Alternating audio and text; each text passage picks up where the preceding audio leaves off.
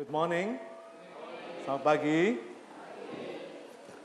Saudara ada satu bukit yang bernama Golgota. Bukit ini dikenal juga dengan nama Bukit Tengkorak.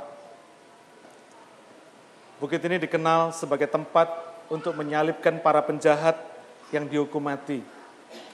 Letaknya tidak jauh dari Yerusalem, kira-kira sekitar dua setengah kilometer dari Yerusalem. Dan tempat ini tidak pernah terkenal sampai sekitar 2000 tahun yang lalu.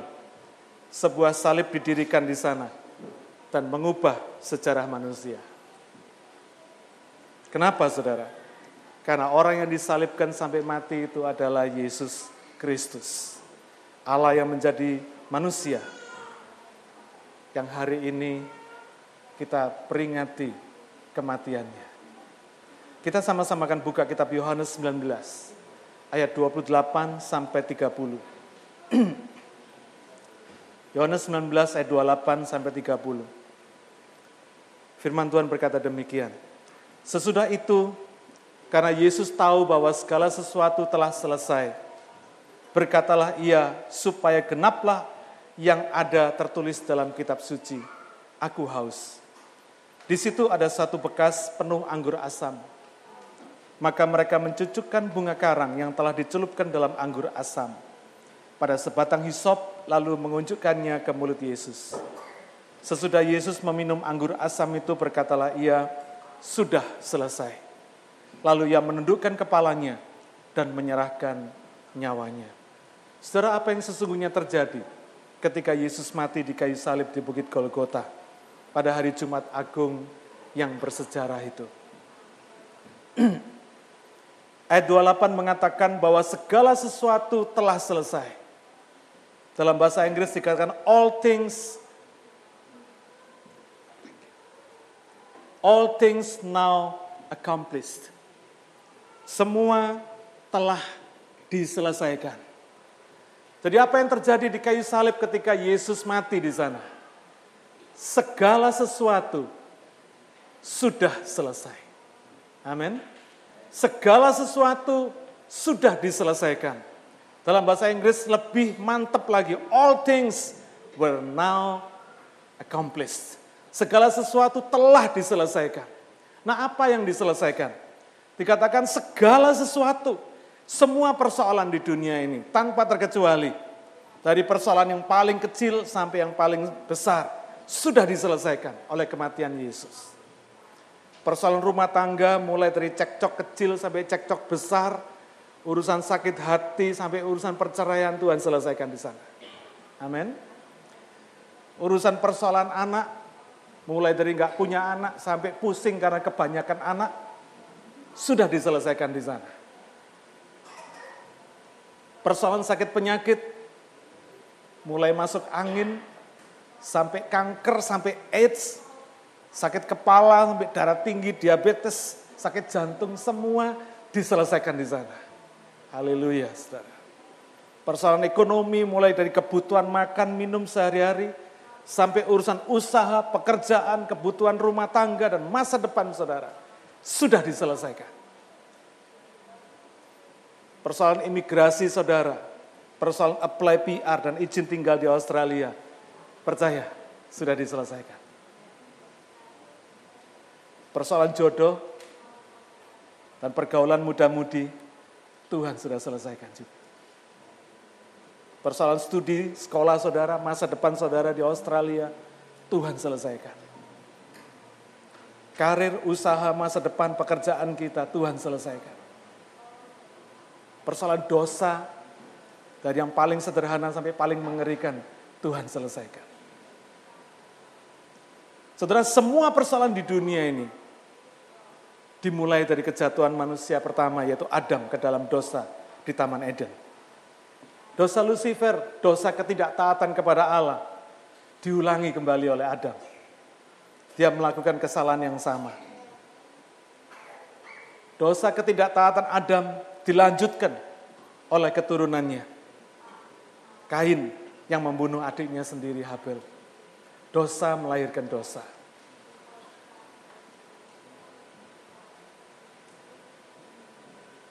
Peristiwa Kain membunuh Habel menunjukkan bahwa ada dosa iri hati lahir yang pertama kali. Diikuti kebencian, diikuti pembunuhan. Waktu Kain ditanya sama Allah, di mana Habel adikmu itu? Kain menjawab, aku tidak tahu. Apakah aku penjaga adikku? Lahir dosa kebohongan yang pertama. Ketika kejadian pasal 4 ayat 10 sampai 12, ketika Tuhan berfirman, apakah yang telah kau perbuat ini? Darah adikmu itu berteriak kepadaku dari tanah. Maka sekarang terkutuklah engkau, terbuang jauh dari tanah yang mengangkat mulutnya untuk menerima darah adikmu itu dari tanganmu. Apabila engkau mengusahakan tanah itu, maka tanah itu tidak akan memberikan hasil sepenuhnya lagi kepadamu. Engkau menjadi seorang pelarian dan pengembara di bumi. Kutukan Allah terjadi yang pertama atas manusia dan atas apa pun yang dilakukannya. Kejadian 5 ayat 1 sampai 3. Inilah daftar keturunan Adam. Pada waktu manusia itu diciptakan oleh Allah, dibuatnya lah dia menurut rupa Allah. Laki-laki dan perempuan diciptakannya mereka. Ia memberkati mereka dan memberikan nama manusia kepada mereka. Pada waktu mereka diciptakan. Setelah Adam hidup 130 tahun, ia memperanakan seorang laki-laki menurut rupa dan gambarnya. Saudara perhatikan. Lalu memberi nama Set kepadanya. Adam memperanakan Set sesuai dengan rupa dan gambarnya sendiri. Rupa dan gambar Adam yang sudah jatuh ke dalam dosa. Bukan sesuai dengan gambar dan rupa Allah lagi. Terjadi perubahan status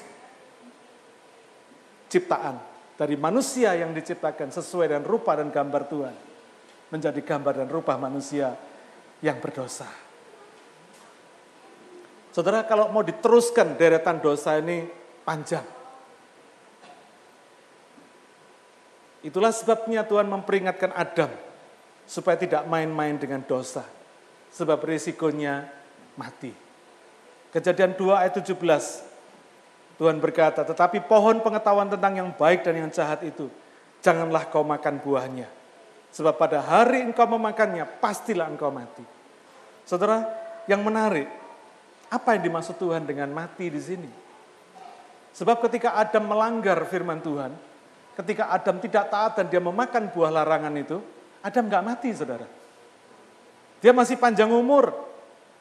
Sampai umur 130 Alkitab mencatat dalam kejadian 5 ayat 3 tadi dia melahirkan anak laki-laki yang namanya Seth. Dan kalau sudah baca ayat selanjutnya, dikatakan di situ Adam ini masih produktif. Dia melahirkan anak-anak laki-laki dan perempuan sampai umur 800 tahun. Bayangin saudara. Ketika Allah berkata, ketika engkau memakannya, engkau pasti mati. Tapi Adam panjang umur, sampai 800 tahun masih punya anak, saudara. Bahkan Alkitab mencatat di dalam ayat yang kelima, dikatakan di situ Adam meninggal dalam usia 900 30 tahun. Luar biasa enggak saudara? Lalu pertanyaan ini muncul kembali, apa yang dimaksud Allah ketika ia bicara tentang kematian di kejadian 2 ayat 17 tadi. Rasul Paulus dalam suratnya kepada jemaat di Roma menjelaskan hal ini.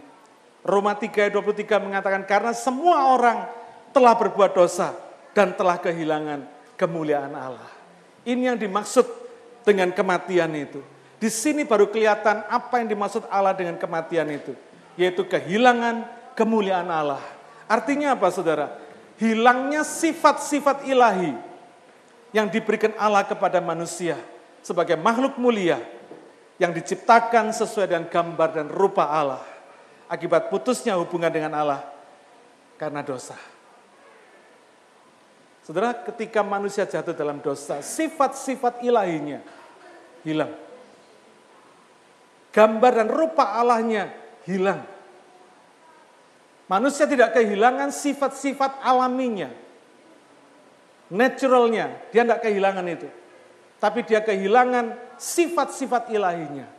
Karena itu saudara jangan heran, meskipun orang berdosa, meskipun orang itu tidak percaya Tuhan, orang itu masih bisa pinter saudara. Masih bisa kaya, masih bisa punya kuasa, masih bisa menciptakan karya-karya seni yang luar biasa indah. Masih bisa menciptakan bom atom, masih bisa. Masih bisa menciptakan perkara-perkara besar meskipun dia tidak percaya Tuhan. Karena manusia tidak kehilangan sifat-sifat alaminya. Tetapi manusia kehilangan sifat-sifat ilahinya. Sesuatu sifat Allah yang sudah diberikan ke dalam manusia ketika dia diciptakan oleh Tuhan. Sesuai dengan gambar dan rupa Tuhan. Hilang karena dosa. Kelihatan sekali bahwa dosa tidak seketika mengakibatkan kematian jasmani. Karena Adam masih panjang umur, betul? Masih hidup sampai 930 tahun baru jadi almarhum. Tetapi yang pasti ketika manusia jatuh ke dalam dosa, maka seketika terjadi kematian rohani.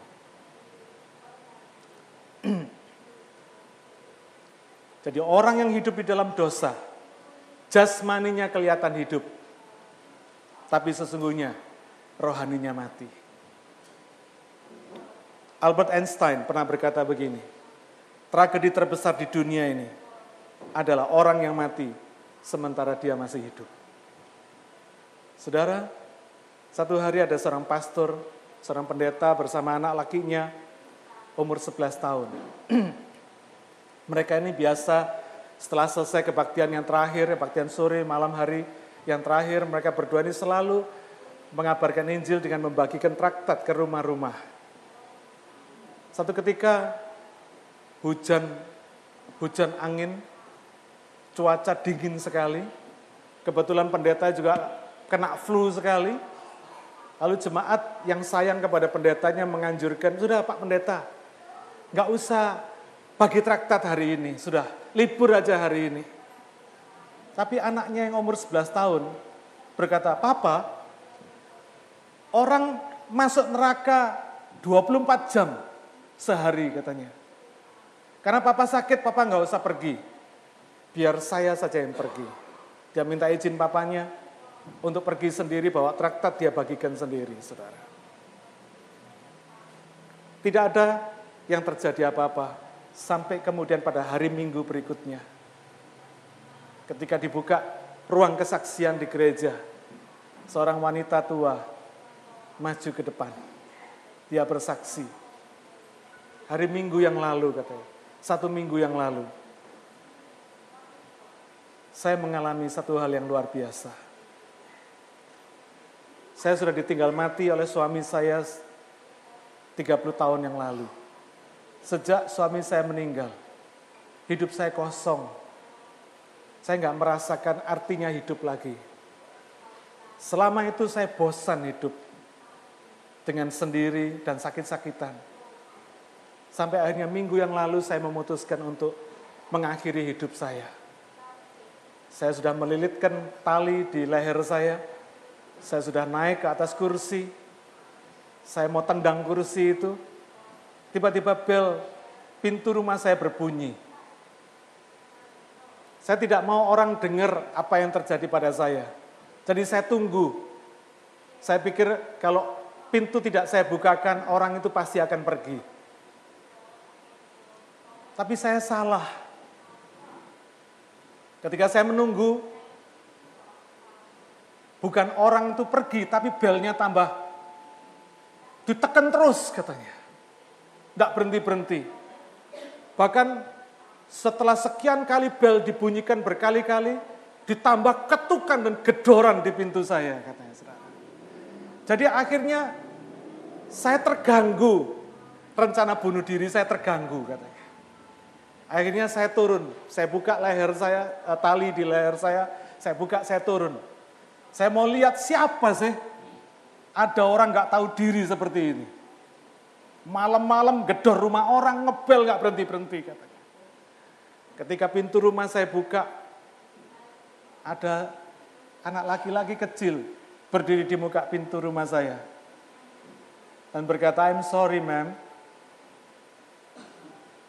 Dan dia menyambung perkataannya, Jesus loves you. Lalu dia berkata, this is my last track. Ini adalah traktat saya yang terakhir. And I know this tract for you. Ketika wanita tua ini menerima traktat itu, saudara. Dia masih belum sadar apa yang terjadi. Dan anak kecil ini tanpa berkata basa-basi lagi, dia langsung bye-bye lari pergi dengan wajah dan baju yang basah kuyup katanya. Tapi ketika anak kecil ini pergi, pintu saya tutup, saya mulai lihat apa yang dia kasih ke tangan saya. Dan saya mulai baca, karena saya tertarik apa isinya. Ternyata di situ diceritakan, ternyata hidup ini berharga di dalam Tuhan Yesus. Sehingga malam hari itu saya membatalkan niat saya untuk bunuh diri. Dan hari ini, karena di dalam traktat itu ada alamat gereja, saya hadir di sini. This is my first time attending this church, katanya. Ini adalah kali yang pertama saya hadir di gereja. Saudara, kesaksian ini betul-betul terjadi di satu kota kecil dekat Pennsylvania di Amerika.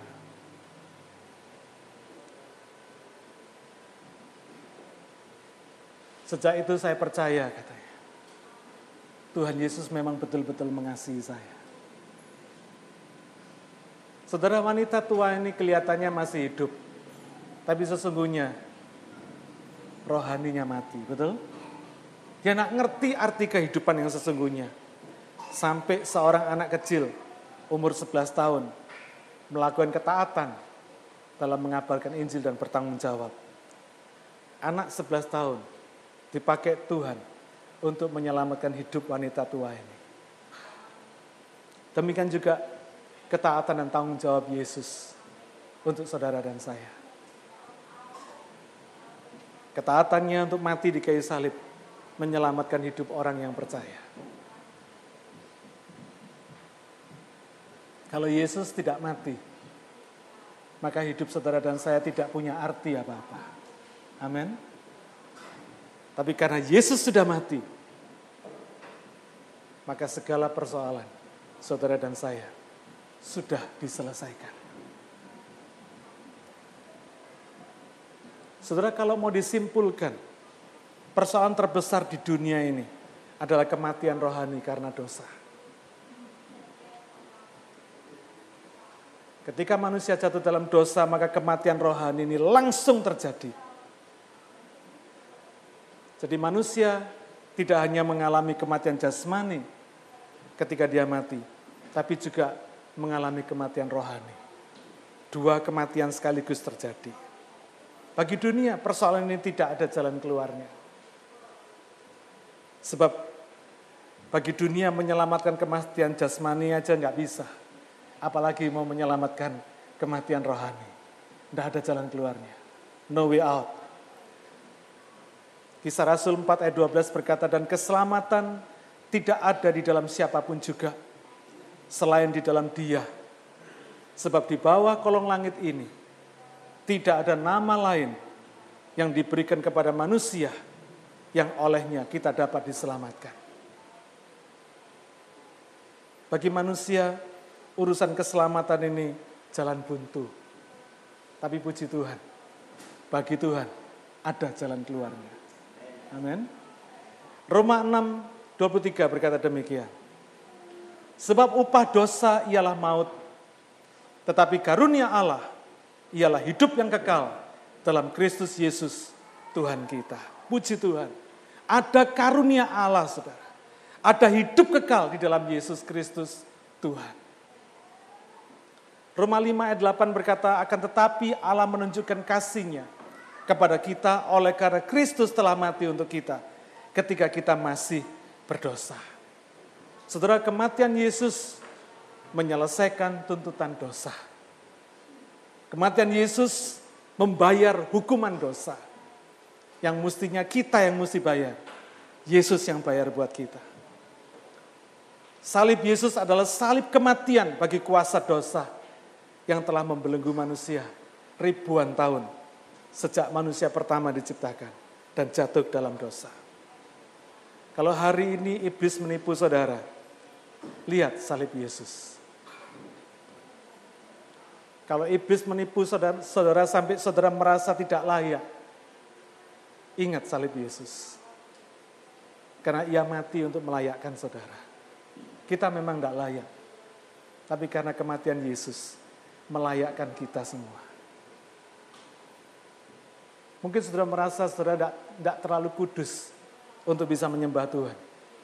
Tapi puji Tuhan, Yesus mencurahkan darahnya untuk menguduskan saudara dan saya. Mungkin saudara merasa tidak mampu menghadapi kehidupan ini. Yesus sudah menyelesaikan semua persoalan kita. Segala sesuatu sudah diselesaikan. Finish. Mungkin kita merasa tidak benar jadi orang. Tapi puji Tuhan, Yesus mati buat membenarkan hidup saudara dan saya. Amin. Hari ini saya mau tanya sama saudara. Ketika saudara melihat salib Yesus, apa yang saudara lihat di sana? Maka sesungguhnya seharusnya kita lihat dosa kita ada di sana. Amin. Dosa saudara dan saya sudah terpaku di sana. Karena itu dosa tidak lagi berkuasa dalam kehidupan saudara. Ketika saudara lihat salib Yesus, maka mestinya kita ingat sakit penyakit kita sudah ada di sana. Oleh bilur-bilurnya, sakit penyakit kita sudah disembuhkan. Amin.